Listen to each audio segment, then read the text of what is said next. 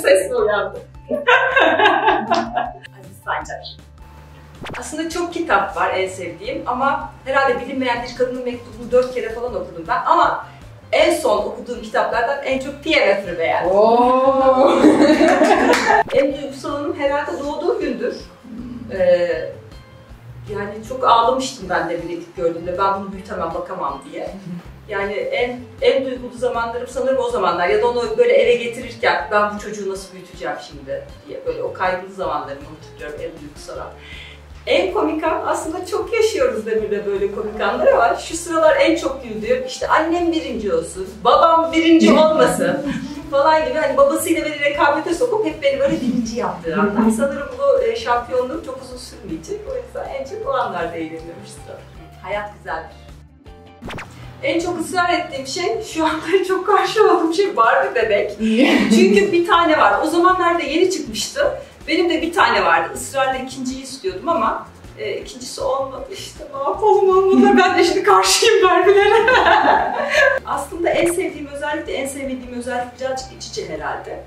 E, ya benim hem böyle çok optimistik bir tarafım var.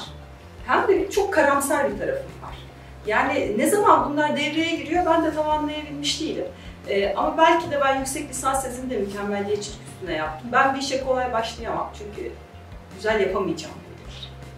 O yüzden e, karar alırken hep çok düşünürüm ve çok zor adım atarım.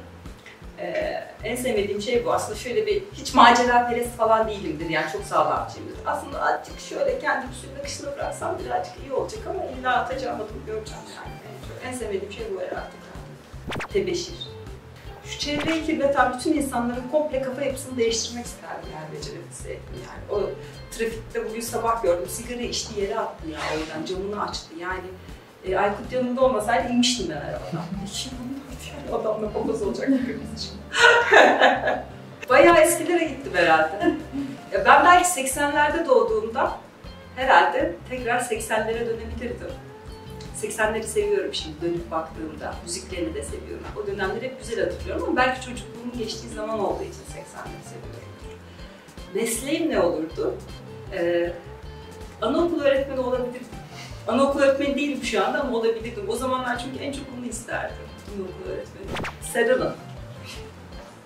Gene yetenekli olduğumda herhalde şarkı söylemektir. Gerçekten. Gerçekten. Ama yani şöyle ezber yeteneğim çok kuvvetli olduğu için ben bir şey bir kere dinlediğim zaman onu bütün ezgisiyle sonuna kadar söyleyebilirim. Sesim güzel değil ama hafızam iyi olduğu için, ritmi de güzel tutturduğum için yoksa. Benim çok kendimi beğenmiş olduğumu düşünüyorlar. Hiç öyle değilim. Tam tersi beğenmediğim bir sürü şey var.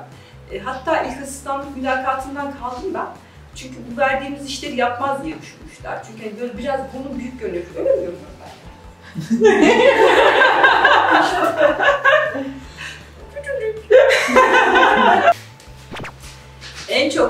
korkutan şey neydi biliyor musunuz? Annemle babam gece beni bırakıp gidecek diye korkuyorum. Ve hala hatırlıyorum. e, Ben her akşam yatarken beni bırakıp gitmeyin diye tembih ederdim. Gündüz işe gidiyorlar ya. Bir de tabii o zamanlar izlediklerimizin de etkisi var. O e, Türk filmlerinde hiç normal hayat yoktu ya. Gece çocuğu bırakıyor, pavyona gidiyordu falan. Hani hakikaten düşünüyordum annemin öyle bir yaşantısı olabilir mi diye. Çünkü şimdi ama şimdi ama hani çocuk gelişimci olduktan sonra dönüp bakıyorum. Tabii ki o yaşadığım şeyleri somutlaştırıyorum. Milletin annesi sürekli geceleri başka yerde Türk filmlerde. Benimkinin evde olma olasılığı düşükmüş gibi geliyor yani. Hiç, hiçbir eşyamı kaybetmekten korkmuyorum. Hepsini kaybediyorum. Ha, Aykut'a gidiyor benim. Şimdi şey diyeyim, öğrenci konseyinde e, genel sekreterliğim çok tabii akillidir. Ama öğrenciyim neyse. E, bir tane piyano resitali vardı. Hacettepe M salonunda. Salon ağzına kadar dolu. Ön tarafta protokol yıkılıyor rektör, rektör yardımcısı. O zamanki halkla ilişkiler müdür yardımcısı vardı. Geldi bana dedi ki saniyede de sen dedi e, resital bittikten sonra çiçek vereceksin dedi. Tamam dedim veririm, tamam ben iş yaparım. Ama dedi adam dedi birazcık hiperaktif.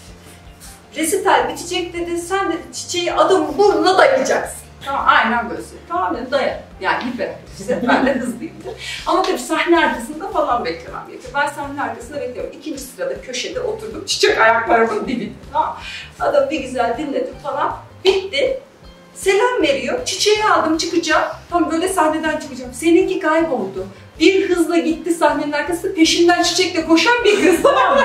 Bütün salon kahkahalara boğuldu. Gerçekten şeymiş, hiperaktifmiş. Sonra çiçeği al, adamı da al. İtalyanca bir şeyler söyledi. Anlamıyorum İtalyanca anlamıyorum.